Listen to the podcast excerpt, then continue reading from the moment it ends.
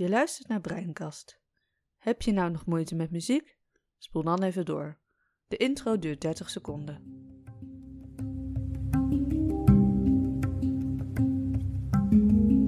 Welkom bij Breinkast, de hersenschudding podcast. Een podcast waarin we in gesprek gaan over ons leven met een langdurige hersenschudding. Zo gaan we het hebben over alles wat ons bezighoudt in ons herstelproces, maar ook over dingen als liefde en seks. Mijn naam is Mila. En ik ben Marit. Leuk dat je luistert.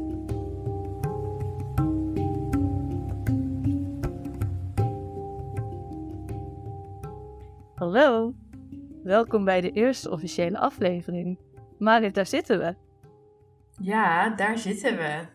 Ik ben eh, voor deze eerste aflevering even onze chatgeschiedenis ingedoken uh, van WhatsApp. en als je zoekt op het woord podcast, krijg, krijg je maar liefst 313 resultaten. En um, ik ben even helemaal naar het begin gescrolld. De eerste keer dat het woord is gevallen, uh, het woord podcast, was in juni 2021. Oh my god. Ja, er is echt, dus, is grappig hè, er is echt veel tijd overheen gegaan. Ja. Uh, maar hier zitten we dan. Anderhalf jaar later ongeveer. Ja. ja. En best wel spannend, maar ook echt heel erg leuk. Heel leuk. En uh, ja, we gaan gewoon beginnen. Dit is de eerste aflevering dus. Uh, je luistert naar Breinkast. En uh, deze aflevering zal gaan over hersenschudding. Wat is nou eigenlijk een hersenschudding? En wat goed om te weten is om even mee te beginnen, is de eerste twee afleveringen worden, uh, ja, die zullen wat informatiever zijn en bevatten iets meer uitleg. En in de afleveringen daarna zullen wij wat meer in gesprek gaan over ja, hoe wij alles meemaken en welke thema's nou een grote rol spelen bij ons en in het herstelproces. En um, daarnaast willen we ook even twee disclaimers melden. En de eerste is dat wij geen medisch advies geven. We zijn geen artsen. Uh, maar wat we wel doen is, we, we delen ons verhaal en we delen ons ja, onze ervaringen. En um, nou, welke therapieën misschien gedaan hebben, of wat we fijn vonden, of wat we niet fijn vonden. Maar het is wel belangrijk dat wij dus geen medisch advies kunnen geven uh, over individuen. En überhaupt niet, want ja, we zijn geen doktoren. Het tweede ding is um, dat het onderzoeksveld rondom de hersenen, dat is ontzettend in ontwikkeling. En uh, de laatste jaren zijn er heel veel nieuwe ontdekkingen gedaan.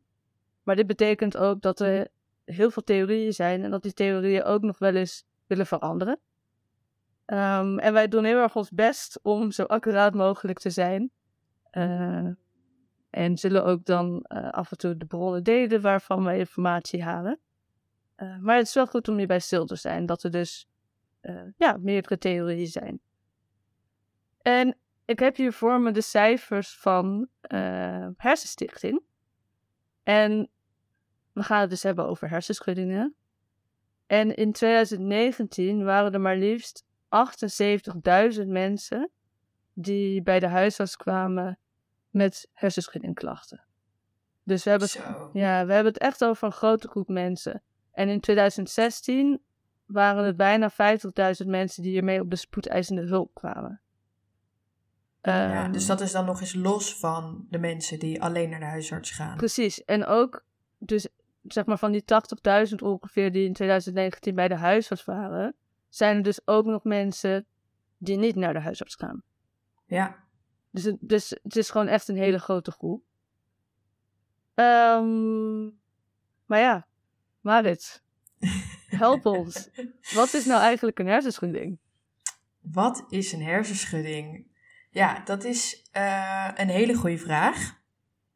De, de uitleg daarover en de definities daarvan zijn namelijk echt super uiteenlopend. Over het algemeen mag je wel uh, verwachten dat als jij een klap of een abrupte beweging tegen je hoofd aan hebt gehad, um, dat dat een hersenschudding zou kunnen veroorzaken. Een hersenschudding vallen onder licht traumatisch hoofdletsel. Um, uh, ja, je, je, hersenen worden even letterlijk eh, door elkaar heen geschud, echt als een soort pudding. Dus op internet is er, gaat er ook een soort filmpje rond waarbij je dan zo'n model hebt van een schedel met daarin en, en ja, hersenen. En dan geef ze even een klap en dan zie je die hersenen ook echt zo, ja, als een pudding heen en weer schudden. En ik krijg er altijd zo'n nare uh, rilling van. Dat ik denk, oh ja, dat, ah, je voelt dan echt weer een beetje je, je, je wat er is gebeurd tijdens je klap, zeg maar. Ja. Dat vind ik altijd, een, ik krijg altijd hele nare gevoelens bij, bij dat filmpje. Um, maar goed, dat is wat er dus gebeurt. Um, en wat er dan in je hoofd gebeurt, is dat je cellen even heel kort uitrekken als een elastiekje en weer terugveren. Uh, maar goed, als jij bijvoorbeeld een heel mooi nieuw stukje rubber hebt, wat jij in één keer heel sterk uit elkaar trekt, dan ja, zie je daar ook wat kleine scheurtjes soms ontstaan. Uh, en dat is wat er op dat moment eigenlijk in je hoofd gebeurt.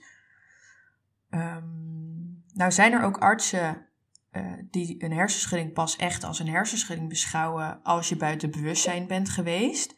Daar is veel discussie over in de praktijk. Ja, dat is ook ehm. wel, eigenlijk is dat wel ondertussen achterhaald. Dat je hoeft gewoon niet uh, buiten bewustzijn te zijn om een hersenschudding te hebben. Nee. Nee, dus dat, dat kan al heel snel, uh, kan dat ontstaan, zo'n hersenschudding.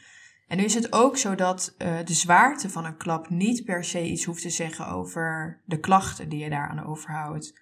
Want ik weet niet hoe dat bij jou is, Mil, maar ik heb best wel vaak als ik mijn verhaal dan aan mensen vertel, dat ze heel snel zeggen van wow, dat moet dan wel een flinke ongeluk zijn geweest als ze horen wat voor klachten ik eraan over heb gehouden. En dan denk ik altijd, nou ja, nee, het, het, was natuurlijk wel echt een klap, maar ik heb niet uh, echt helemaal zwaar in de kreukels gelegen of zo. Ja, uh, bij mij is dat denk ik wel wat anders. Um, en dit is, het ook wel goed om misschien een beetje te nuanceren in de zin van, um, het is inderdaad zo dat je van een redelijk uh, nou, milde klap dus hele heftige klachten kan krijgen. Maar het is tegelijkertijd wel zo dat een harde klap wel echt meer impact kan hebben. En dat is met name, zoals jij net al heel mooi beschreef, dat die hersenen soort van drijven in hersenvocht in je brein. En als je dan dus inderdaad een klap krijgt, uh, dat die hersenen gaan bewegen. En wat goed hierbij is om te benoemen, is dat de binnenkant van je schedel is niet helemaal glad. En met name rond je ogen, rond dus de voorkant van je hoofd. En als je dus een harde tik krijgt, dan komen je hersenen dus harder als het ware tegen die schedelrand aan. En dan kan er dus wel echt daadwerkelijk meer schade ontstaan. Ja. Um, dus de, het soort ongeluk heeft wel degelijk, of kan wel degelijk invloed hebben op, um, ja, op, op wat voor klachten je gaat ervaren. Maar dit betekent niet dat je met een uh, minder heftig ongeluk niet ook heftige klachten kan krijgen. Ja. Ja, mooi gezegd. Want dat is, dat is waar dit inderdaad een beetje om, uh, om gaat. Ja heb best wel veel mensen ook gehoord als je dan met lotgenoten spreekt. Mensen die uh, van een fiets zijn gevallen of hun hoofd hebben gestoten tegen een balk op zolder. En zo rustig drie, vier jaar ook verder zijn. Ja, ja en ehm. dat is zo interessant. Want dat is echt het probleem wat jij net ook noemde. Van nou ja, dat weefsel wordt dus opgerekt. Maar er ontstaat dus, er kan gewoon daadwerkelijk echt kleine littekentjes ontstaan. En het kan dus ook zijn dat je in het begin helemaal niet zo heel veel last hebt maar pas echt maanden of jaren later ineens last krijgt, omdat er dan opeens andere factoren zijn die beroep doen op, jou, op jou, de werking van je hersenen, zoals bijvoorbeeld iets als stress. En dat laat zo goed zien dat een hersenschudding veel meer is dan alleen een klap op je hoofd. En dat er dus zoveel inderdaad verschillende ja, factoren dus zijn die invloed hebben op hoe dat herstelproces eruit gaat zien. Ja, ja, en wat er dus eigenlijk een beetje gebeurt is, um, je hersencellen die zijn, uh, dat kan jij misschien eh, beter, jij weet misschien beter hoe die anatomie in elkaar zit, maar je, je, de cellen in je hersenen, je zenuwcellen, die hebben een wit laagje om zich heen. Klopt. Myeline heet dat. En dat is dus hetgeen um, wat ook oprekt. En in de myeline ontstaan um, de microbeschadigingen. Maar dat is dus eigenlijk niet te zien op bijvoorbeeld een CT-scan of MRI-scan. Maar die myeline is wel echt van cruciaal belang voor de informatieoverdracht tussen die cellen. Dus wat er eigenlijk gebeurt is dat de bruggetjes die de informatie over moeten brengen, uh, tijdelijk kapot gaan, toch? Ja, nee, dat zeg je heel goed. Het is, het is inderdaad zo, de myeline die zit om uh, die neuronen heen. Uh, daarom zie je ook, dan noemen ze het ook wel witte stof. En de myeline is eigenlijk een soort van vettige substantie, waardoor de geleiding van de signalen wordt daardoor geremd. En daardoor springt het, waardoor ze dus veel sneller, ze moeten over die myeline stukjes heen springen als het ware. En daardoor gaat die overdracht heel veel sneller. Dus het is zowel bescherming als dat het zorgt voor een sneller verloop van het doorgeven van signalen. En wat jij net benoemt inderdaad, van als je daar dus schade in hebt, dan kan je dus voorstellen dat die signaaloverdracht verstoord wordt. Wat dus weer resulteert in allerlei verschillende krachten. Ja. Ja, en we komen daar uh, zo nog even kort op terug.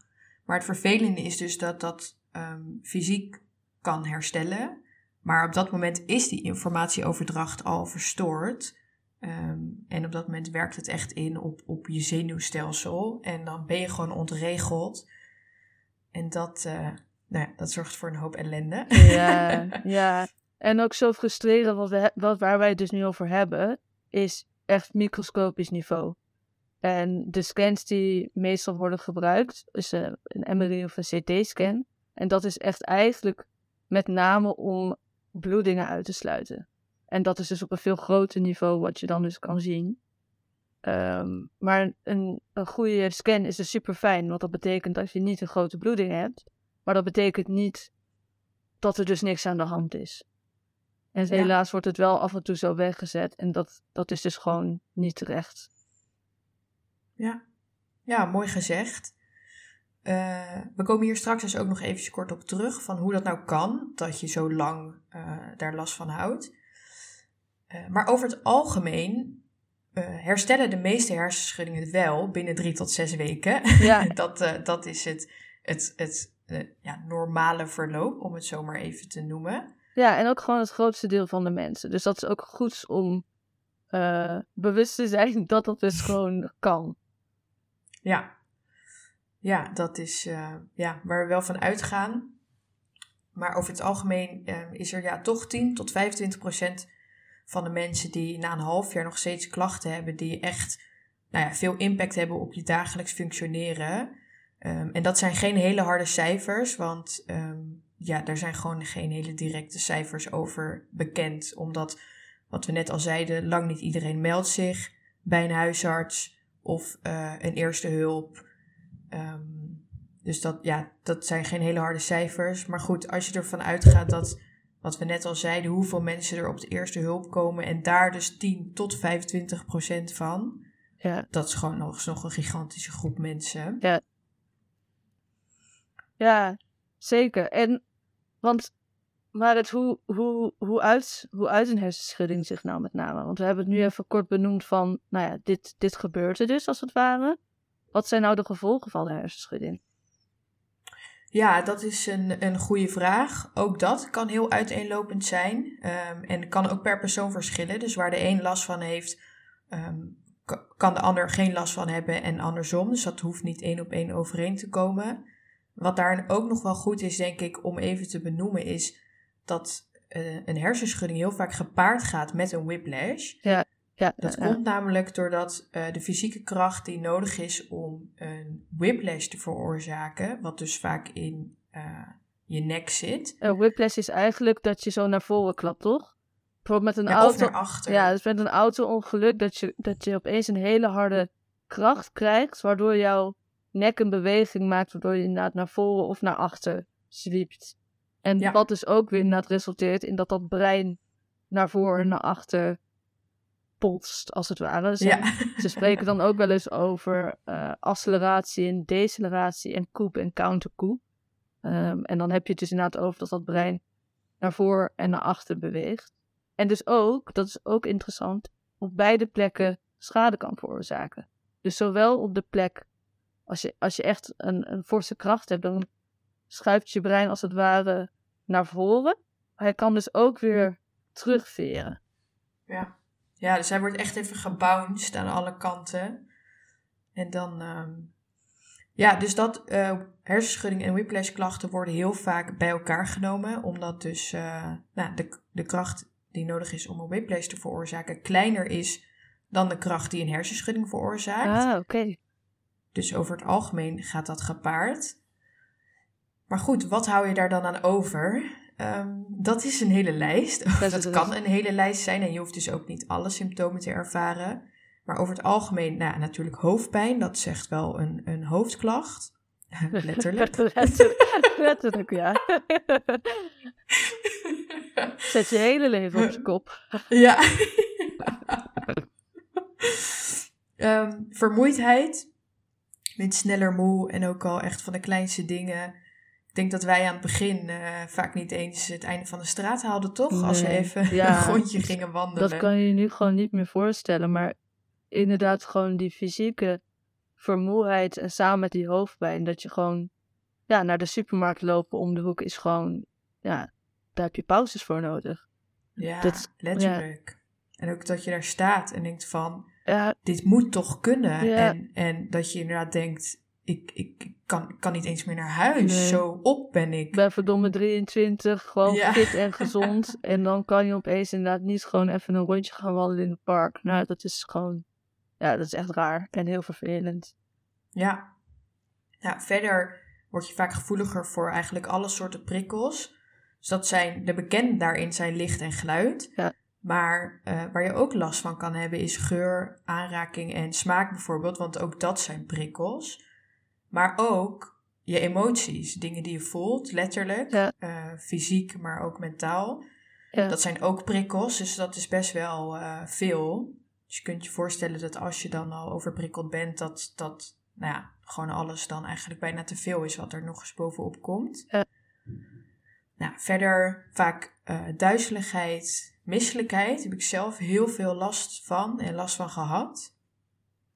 Uh, dat, dat, dat kan, dat, dat hoeft niet. Verwardheid, nou, geheugenverlies, wazig zien. En dat kan dan aan het begin bijvoorbeeld door zo'n klap komen. Maar later um, ook door visuele problemen. Want daar kan je ook heel veel uh, last van krijgen als je een hersenschudding hebt. Cognitieve problemen is echt nadenken. Ik denk dat uh, het, het meest concrete voorbeeld daarvan, wat ik ooit heb meegemaakt, dat was echt bizar. Toen woonde ik nog met huisgenoten. En toen zaten wij met elkaar aan tafel. En toen was ik met één huisgenoot aan het praten. En ineens zie ik haar opstaan en naar de deur lopen, midden in dat gesprek. Dus ik zeg, wat ga jij doen? En ze kijkt me aan van, wat, wat, wat zeg jij nou? En ze zegt, uh, de bel ging. Ik zeg, huh? En pas daarna hoorde ik de bel gaan. Echt? Ja. Dus dan toen heb ik letterlijk gemerkt wat voor vertraging er zit in het verwerken van die informatie. Oh, wat heftig. Nou, ja, dat was zo'n rare ervaring dat ik echt, ja, ik zie haar gewoon opstaan. Ik denk, wat ga jij doen? En echt seconden later pas dat ik die bel echt hoorde. Ook angst, zeg maar beangstigend zo'n ervaring. Dat je echt denkt, huh, wat gebeurt hier? Ja, ja, dat was heel gek. En toen had ik inderdaad ook echt zoiets van jemig, wat gebeurt er allemaal daarboven? je zit al in een soort van, je weet allemaal niet wat er gebeurt en wat je moet en je voelt je slecht en je kan niks meer. En toen dacht ik echt, ja. wat is dit? Ja, ja, ja. Nou ja, verder um, nou, visuele problemen, zoals ik net al even benoemde, dat kan zijn uh, moeite of pijn echt letterlijk bij het kijken, maar ook moeite met beeldschermen, moeite met focussen en dan vaak met name op dingen die dichtbij staan. Uh maar ook, dat hebben we ook allebei best wel gehad, toch? Dat je echt, bijvoorbeeld als je aan het lezen bent, echt letters ziet dansen op het papier. Ja, ja, in het begin kon ik gewoon inderdaad niet een bladzijde lezen zonder helemaal kapot te zijn daarna. En heel lang heb ik ook niet begrepen wat dat nou was. Maar gewoon, en inderdaad, letters die, die je gewoon niet goed zien, maar ook inderdaad scherp stellen en uh, de focus überhaupt. Want je moet ook nog, voor lezen heb je ook nog uh, nodig dat je onthoudt wat je leest. Ja, nou, heel gek. ja. ja. Ja. dat konden we echt niet meer, hè? Lezen inderdaad. Nee, en dat moet je dan opbouwen. Dus dan is het, oké, ik ga nu een halve pagina lezen en dan hou ik pauze. Dus dat, nu denk ik echt, nou, dat is niet, dat, ja. ja, dat duurt je studie wel heel lang, ja, hè? heel, heel, heel, heel. ja. Nou, verder ehm, moeite met helder nadenken, oorzuizen, tinnitus. Hele bekende ook en een hele vervelende. Ja, Ja. ja. zeker. Angst, angstig zijn, ook gewoon door wat er gebeurt, maar gewoon überhaupt kan het, kan het zo'n klap echt wel in, invloed hebben Ja. op, je, op je hele systeem. En wat bij vrouwen ook nog wel eens voor wil komen, is een verstoring van de menstruatie. Ja. Omdat je zo eh, van slag bent, gaat ook je hele hormonale systeem eh, met je aan de haal. Wat ook weer effect heeft op hoe je je voelt en op je stressbeleving en alles. Ja. Ja. ja, en vice versa zie je ook wel eens toch dat mensen rond de menstruatie ehm, iets meer eh, last hebben van hun klachten. Ja, dat heb ik zelf ook. Ja, zeker. Zo, dat is echt een hele waslijst. En heel veel Ja. informatie. Ja. Welke klachten merk jij nu met name nog? Ehm, ik heb heel veel last nog van mijn nek en mijn schouders. Mhm. Dat gaat bij mij heel snel nog vastzitten en dat geeft best wel veel pijn. En dat trekt ook helemaal door naar mijn hoofd. Mhm. En daarnaast zijn mijn visuele klachten nog heel sterk aanwezig. Dus ik kan nog niet zo. Lezen gaat gelukkig weer goed. eh, maar ik kan nog niet goed tegen beeldschermen. Daar kan ik echt nog wel ziek van worden. Ja. En ik merk dan dus ook als ik dan moe ben, dat lezen dan minder goed gaat. ja, ja. En dat is de, Hoe bedoel je dan ziek worden? Ehm, dan krijg ik echt eh, hoofdpijn, migraine. Ja. ja, dan word ik gewoon niet lekker overprikkeld. Dan word ik gevoelig voor het licht weer. Ja. En als het dan bijvoorbeeld heel zonnig is, dan word ik ook echt heel misselijk van het, van het licht eigenlijk. Heftig hoor.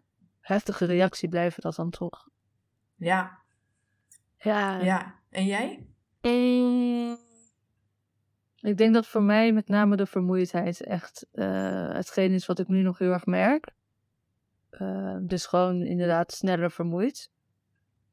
En daarnaast ook de overprikkeling. Dus als ik weer meer dingen ga doen, dat het nog steeds heel erg gaat over ook heel rust inbouwen. Ja. En ook al gaat het heel veel beter, merk ik dus als ik in het verhaal van waar ik dan nu zit weer wat meer erbij doe, dat ik inderdaad dan wel weer meer overprikkelingskrachten krijg en dat dat zich met name uit in onrust. Eh, en gewoon niet lekker in je, ja, in je lijf zitten eigenlijk. Ja, Eh, en die vermoeidheid vind ik gewoon ook echt lastig. Dat gaat, die twee gaan eigenlijk ook wel een beetje hand in hand, heb ik het idee. ja, zeker. Ja, vervelend. Ja, nou ja, je leert er ook wel weer mee omgaan. En ik ben al Ja. ontzettend blij wat nu wel lukt, weet je wel. Dus eh, dat is eigenlijk alleen maar heel positief. Ja, het blijft gewoon plannen. En ja, eh, wat ik wel merk is, de rek zit er nog steeds in. Als in, ik heb dus wel nog steeds af en toe last van overprikkeling of vermoeidheid.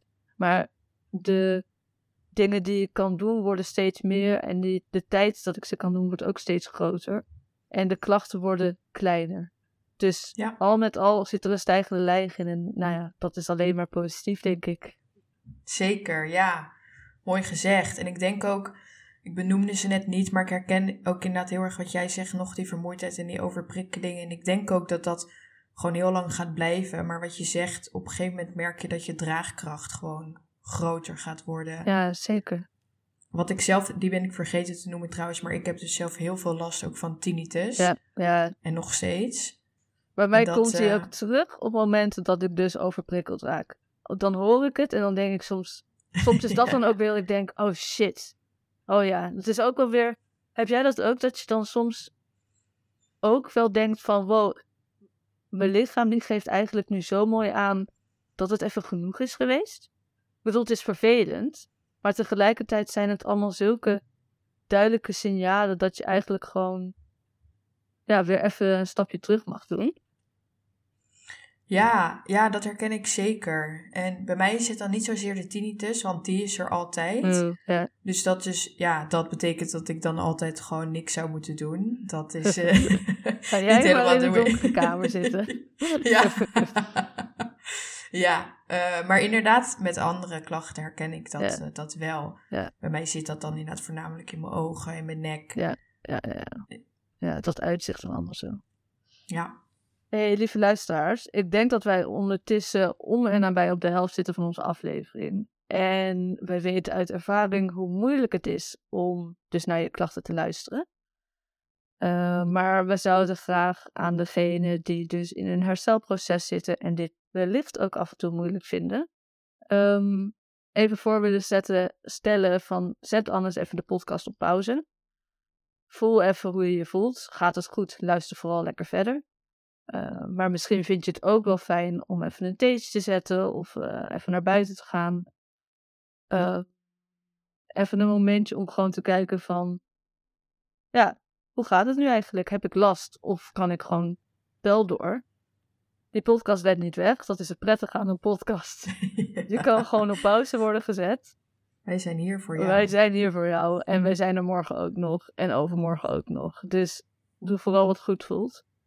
Um, en gaat het wel goed? Nou, superleuk. Luister dan vooral verder. En uh, dit is ook wel een wat intensievere aflevering dus, omdat het veel informatie is. En ook wel een beetje technisch.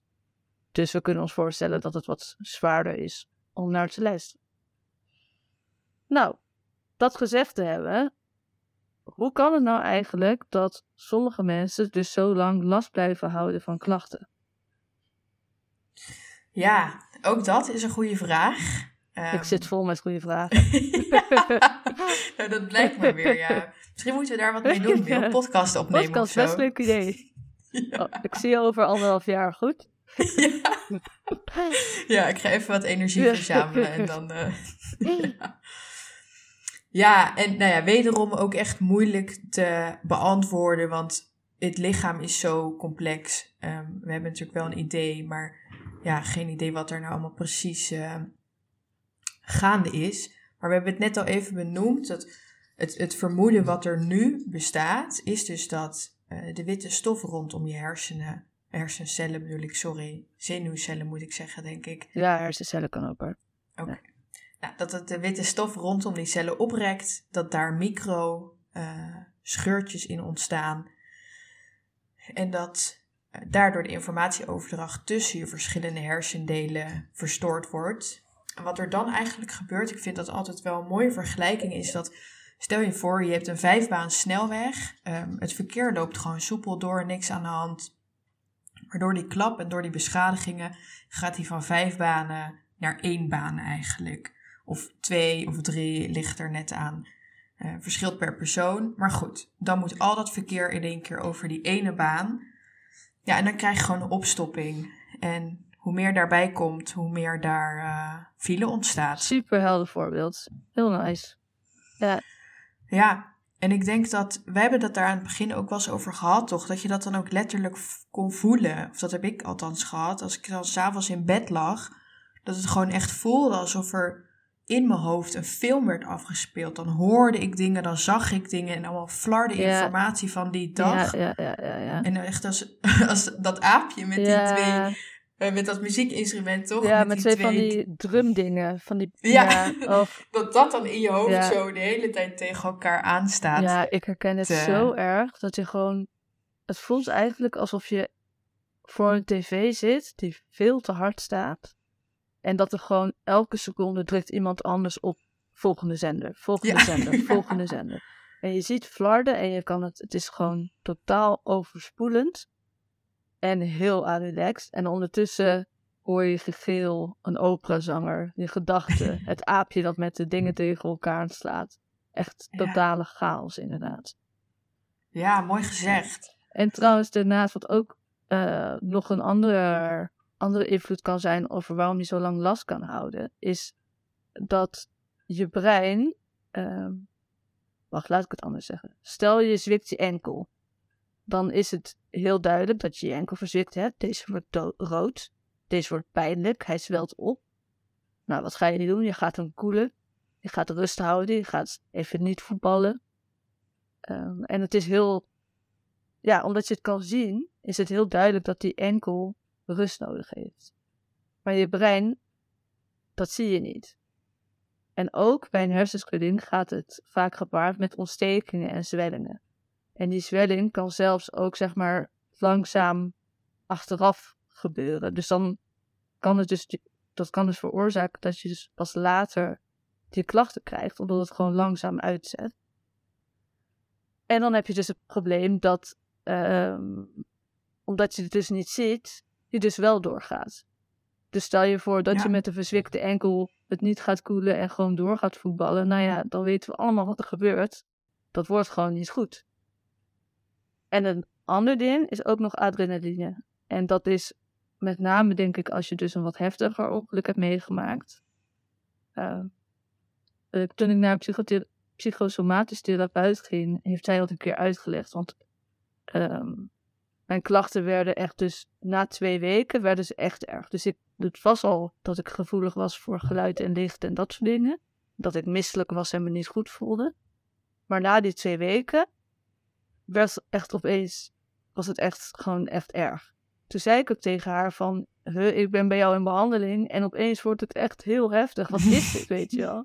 Wat ben je aan het doen? eh, gaat het wel goed? Zit ik weer op de juiste plek? En we deden echt niet heftige dingen. Het was allemaal heel rustig aan en eh, met name praten. En dan wat rustige oefeningen tussendoor.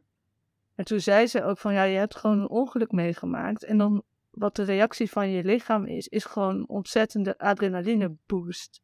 Je hebt gewoon een stoot gehad, waardoor je dus inderdaad in een soort van overlevingsstand gaat. Ehm, en waarschijnlijk begint dat nu pas langzaam een beetje uit je systeem te gaan. En dan is er dus pas die ruimte dat je gaat voelen en dat alles Ja. dus als een soort van golf over je heen komt. En mogelijk dus instort of dus opeens pas gaat ervaren van, ja shit, het is gewoon, het is gewoon echt allemaal gewoon best wel heel erg kloten. Om het zomaar even bot te zeggen. Ehm, Ja. Dus die twee dingen zijn ook echt nog belangrijk, wat dus effect kan hebben op waarom het dus later, dat het niet meteen vanaf het begin op zijn hoogtepunt zit qua de ernst. Ja, mooie uitleg. Ik heb daar niet zoveel meer aan toe te voegen. Ehm, even kijken. Want we wilden het ook nog even hebben over. We hadden het net al even genoemd van dat er dus. ehm, dat je ook met een milde klap. wel echt langdurige klachten kan krijgen. Zou je er iets over ver- willen vertellen? Wat, wat voor invloeden dat bijvoorbeeld zijn? Zijn er risicofactoren waardoor je bijvoorbeeld langer last kan hebben? Of eh, dingen waar je rekening mee kan houden? Die zijn er zeker, die zijn er eh, absoluut.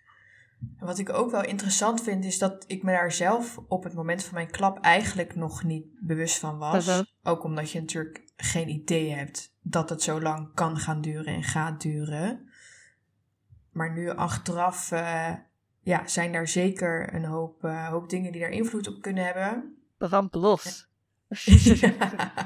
nou, grofweg kun je een beetje drie, eh, drie hoe noem je dat? Ehm, verschillende categorieën daarin onderscheiden. En dat zijn je omgevingsfactoren, persoonlijke factoren en de medische behandeling die je krijgt. Bijvoorbeeld wat je ook doet in de acute fase van je hersenschudding eh, en daarna. Eh, maar ook hoe een behandeling, behandelaar daarmee omgaat. Dat, eh, dat kan ook veel invloed hebben. Nou, wat bedoelen we daar dan mee? Als je kijkt naar omgevingsfactoren, dan kan dat zijn ehm, je thuissituatie.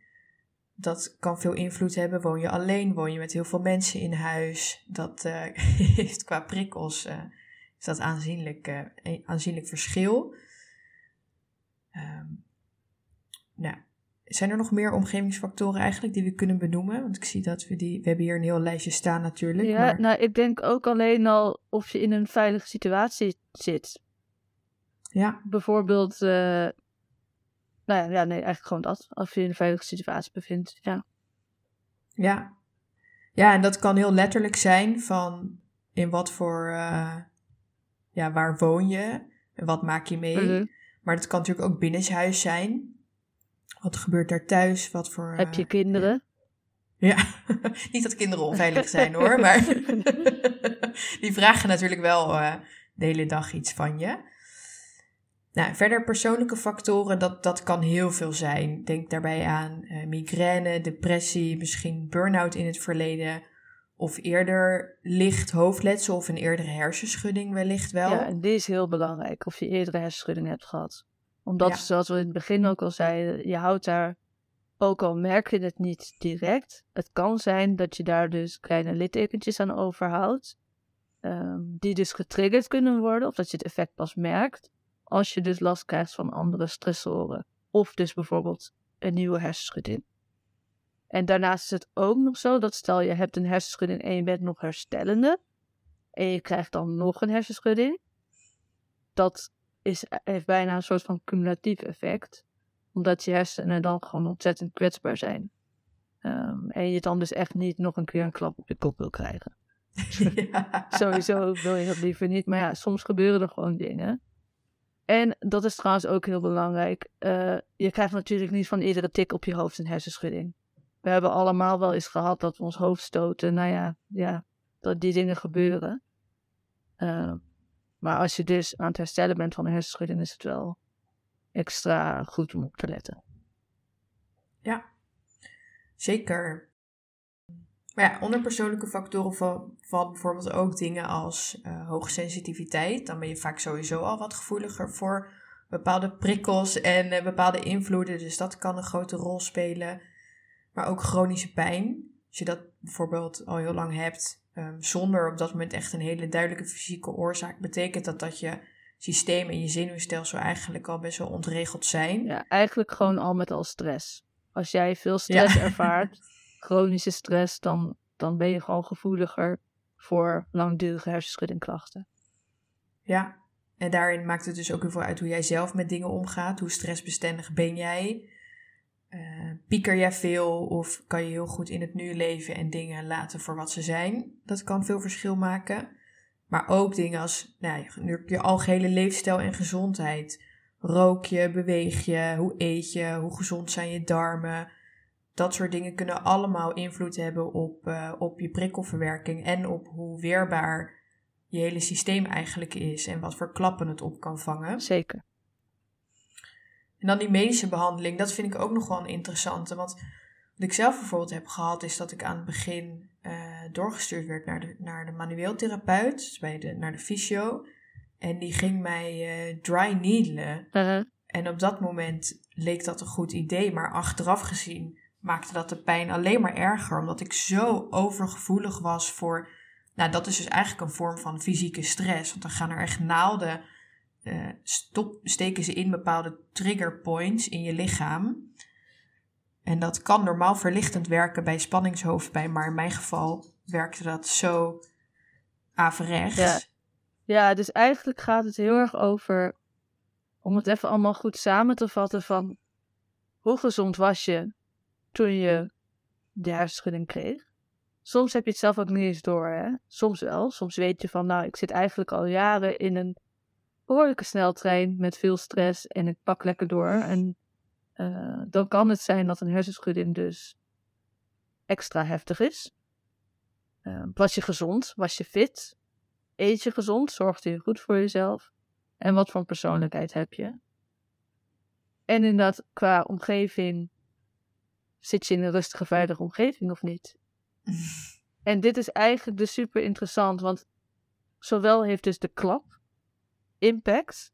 Het ongeluk heeft impact. Dat hebben we nog niet genoemd, maar als je bijvoorbeeld een heftig ongeluk hebt, kan het zijn dat je PTSS uh, eh, daaraan overhoudt, posttraumatische stressstoornis.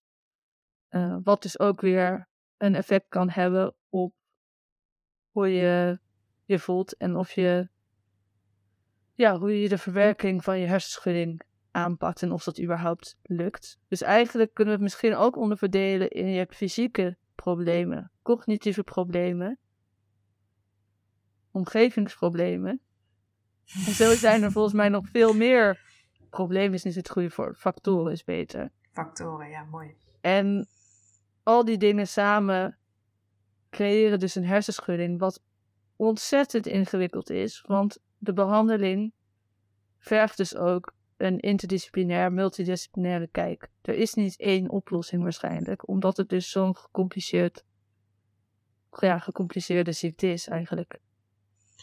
Ja, ja, en daarin merk je ook de kennis van, nou ja, bijvoorbeeld een, een huisarts. Ja. Want mijn huisarts zei bijvoorbeeld na drie weken van, nou, jij kan alles weer en, uh, en, en je, je bent hersteld. Ja, dat is echt ook zo als Mijn huisarts was daar echt heel anders in. Dus dat is inderdaad dat, is inderdaad dat stukje medische, uh, medische factoren. Hoe wordt zij opgevangen? En ook, dat is ook belangrijk, hoe serieus word jij genomen? Ja. Want dat is gewoon, als je niet serieus genomen wordt, terwijl je wel heel veel klachten ervaart, geeft dat gewoon een heel naar gevoel, wat ook weer stress oplevert. En misschien ook wel een verkeerd zelfbeeld. Uh, dus eigenlijk, al met al, een hersenschudding is gewoon heel complex. ja, de moraal van het verhaal is, uh, ja, nou, mooi gezegd. En ik ben wel even benieuwd, Miel, uh, nu, nou ja, 2,5 jaar, zijn er dingen die je anders zou doen? Achteraf bedoel je? Ja, als je nu, ik hoop het niet voor je, maar als het nu opnieuw zou gebeuren, zijn er dan eh. dingen die je anders zou doen? Nou, wat, wat ik zelf heel erg gemist heb, ik, ik ben echt een hele lange tijd heel bang geweest. Omdat ik gewoon niet begreep wat er aan de hand was. Um, en super logisch ook. Ja, en het was gewoon echt allemaal heel heftig. Dus als er vanuit de medische wereld wordt gezegd van er is geen schade, maar ondertussen douche jij met je oordoppen in, omdat het geluid van de douche te veel lawaai maakt, dan denk ik toch van, hè, hoe, hoe kan dat dan? En nou ja, het ging bij mij ook gewoon gepaard met heel veel hoofdpijn en heel veel pijn uh, in mijn ruggenwervels en nekwervels. En dat is gewoon heel naar als je niet de juiste informatie hebt. En ik hoop dat wij dus ook dat stukje voor sommige mensen kunnen bieden van, oké, deze klachten die je krijgt, die kunnen erbij horen. En dat maakt niet dat die klachten dan opeens heel draagzaam zijn of verdraagzaam zijn.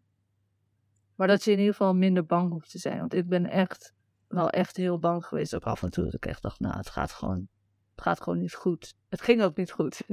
Nee. Maar uh, ja, omdat je dus niet goed weet wat er aan de hand is. En ook niet op het moment in staat bent om dat allemaal uit te zoeken. Dat kan veel later pas. Veel later toen we het dus weer konden lezen. Uh, en dingen konden opzoeken. Dan kan je een beetje dingen gaan begrijpen. Ja, ja. en voor de rest, uh, ja, echt meer balans in rusten en ook blijven bewegen. Wel alles binnen je grenzen, uh, maar dat rusten is gewoon echt wel een hele belangrijke factor, met name in het begin. Ja, ik wil nog wel heel even terugkomen op, op jouw angst, want dat is natuurlijk heel herkenbaar en super logisch ook dat je zo angstig was. Maar het lastige daaraan is dat door die angst geef je eigenlijk continu een signaal aan je brein van er is iets mis. Wat alles alleen maar nou ja, in stand houdt of misschien zelfs wel erger maakt. Zeker. Wat je op dat moment gewoon echt niet kan hebben. Nee, zeker. En dat, dat is dus ook inderdaad, daarom benoem ik het ook, want dat weet je op dat moment niet. Of misschien weet je het wel, want je voelt, je voelt gewoon dat een angstreactie op je lichaam is gewoon niet fijn. Maar ja, je zit thuis op de bank en er gebeuren allemaal rare dingen die je niet kan verklaren. Van rare licht te zien tot echt allemaal dingen horen en zo. Uh, maar inderdaad, dat angstig zijn heeft zoveel effect op dus het stresssysteem, wat je inderdaad eigenlijk gewoon niet kan hebben. Ja. En jij? Ja, ook wel de dingen die jij benoemt. Inderdaad, de angst. Uh, wat heel graag gewoon gewild eigenlijk dat ik een manier had kunnen vinden om mezelf daarin het vertrouwen te geven van oké, dit is super eng, dit is allemaal super raar, maar het komt goed. Ehm, ik had een andere huisarts gezocht, want ik werd inderdaad niet serieus genomen en ehm, ja, ik bleef maar terugkomen, want ik bleef er klachten houden en ze heeft mij letterlijk een keer in mijn ogen aangekeken en gezegd van ja, denk je nou echt dat dit nog door je hersenschudding komt? Ja ook zo op die manier. En je weet het zelf al niet wat er allemaal gebeurt. Je, je kunt letterlijk niks meer, want ik functioneerde gewoon niet meer. Je wordt alleen maar inderdaad slechter en slechter omdat je door blijft gaan. Uh, daar heb je natuurlijk zelf ook een verantwoordelijkheid in, maar op dat moment, nou daar gaan we het vast later nog wel eens een keer over hebben. Maar op dat moment weet je gewoon niet echt beter. Um, dus die acute fase die had bij mij zo anders kunnen zijn. En dat had denk ik echt een verschil gemaakt in, uh, ja, en hoe je herstelt. Wat bedoel je dan uh, qua acute fase? Nou, eigenlijk de weken direct na die hersenschudding. Want ik zat dan bijvoorbeeld midden in mijn scriptie. Um, en ik werd echt wel gewaarschuwd door, ook door docenten van... joh, neem nou even rust, die scriptie is echt niet zo belangrijk. Maar ja, ik dacht, ik heb in vier jaar tijd nog nooit een herkansing gehad. Ik ga echt niet ja. vertraging oplopen bij mijn scriptie. Dus ik heb toen nou, drie weken denk ik alles stilgelegd. En daarna dacht ik, nou, de huisarts zegt dat het kan. Dus uh, ik ga er weer ja, voor. Ja, ja, ja. ja oké. Dus inderdaad gewoon langer rusten. In plaats van gewoon weer aan de, aan de bak. Ja, ja, en wat ik aan, ja, ik durf het eigenlijk bijna niet te zeggen, maar wat ik aan het begin ook dus deed, dus dat had ik zoveel klachten en zoveel last van mijn hoofd en pijn en oorzuis en daar werd ik helemaal gek van. Dus dan ging ik de hele dag de tv aanzetten op de achtergrond om me maar af te leiden van die pijn. Oh. En dan zat. Oh. ja, ik durf het nu bijna niet te zeggen. En dan zat ik ook niet de hele dag tv te kijken hoor. Maar er gebeurde zoveel in mijn hoofd. Dat ik zo gek werd daarvan. Dat ik dus ook daarvan heel erg afleiding aan het zoeken was. Oh, zo je ook. En ook met de informatie die je nu hebt. Dat je echt denkt. Och, ja. ja. Ja. ik zou echt willen dat ik nu even terug kon gaan naar die versie van mezelf en mezelf gewoon even een knuffel kon oh. geven en kon zeggen van je gaat dit echt rocken en het komt helemaal goed en nou, we got this. Ja. ja. we doen wat we kunnen op het moment dat je erin zit en uh, ja, je kan er ook misschien wel vanuit gaan als je beter had geweten, had je het waarschijnlijk ook gedaan. Ja, ja, het is ook wat ik al zei, ik werd zo gewaarschuwd ook tijdens die scriptie van zo belangrijk is het niet. maar op dat moment vind jij zelf van wel. Ja. Dus ga je maar door. En nu denk ik inderdaad, ja, leuk. Ik heb uiteindelijk dus mijn diploma gehaald. Maar ja. Dat is wel mooi. ja, dat is wel heel fijn. Ik doe er nu niks mee. Nou, dat is niet waar. We maken een podcast. Ja, nou, precies. Ik heb een media-achtergrond, dus dat is niet helemaal... Uh, Zeker maar goed, ja. Ja. Dus dat, ja, voor, bij mij zit het hem vooral denk ik in de acute fase die ik graag uh, anders aan had willen pakken. Ja, ja, ja, Nou, ik denk dat we er zijn, hè? Ik denk ook dat we er zijn. Het was een uh, volle aflevering. Ja, we zijn ook uh, iets uitgelopen, zie ik. Ja. We proberen juist ook voor onze luisteraars de, de, afleveringen over het algemeen wat korter te houden, omdat we zelf weten hoe lastig het kan zijn om, om zoveel informatie in één keer te verwerken. Maar goed, zoals we al eerder aangaven, dat is nu even die eerste. We willen gewoon graag wat context meegeven. En daarna worden, worden de gesprekken ook veel, uh, veel minder informatief en gaat het echt over onze, onze ervaringen. Ja, er zal inderdaad zeker informatie in verwerkt zitten, maar niet zo concreet uh, breincollege. ja, Alright, nou lieve mensen, bedankt voor het luisteren. We hopen dat jullie wat geleerd hebben en dat jullie ook echt zin hebben in de volgende afleveringen. Ja, en waar gaat die over, de volgende aflevering? Gaan we ze al warm maken? Uiteraard, uiteraard. de volgende aflevering gaat over overprikkeling. Ja, ja wat is overprikkeling voor ons en, uh, en wat doet het met je? En uh, we willen je ook uh, uitnodigen om ons Insta-account even te checken op Instagram. Daar houden we je op de hoogte van alles rondom de podcast, nieuwe aflevering. Uh, en laat vooral ook wat feedback daarachter. Dat vinden we alleen maar leuk. En we zijn heel benieuwd ja, wat jullie vinden en, en wat we wellicht beter kunnen doen. Zeker. Dat denk ik dat het enige wat ons nog rest uh, om te zeggen is uh, tot de volgende keer. Tot de volgende keer. Alright, doeg!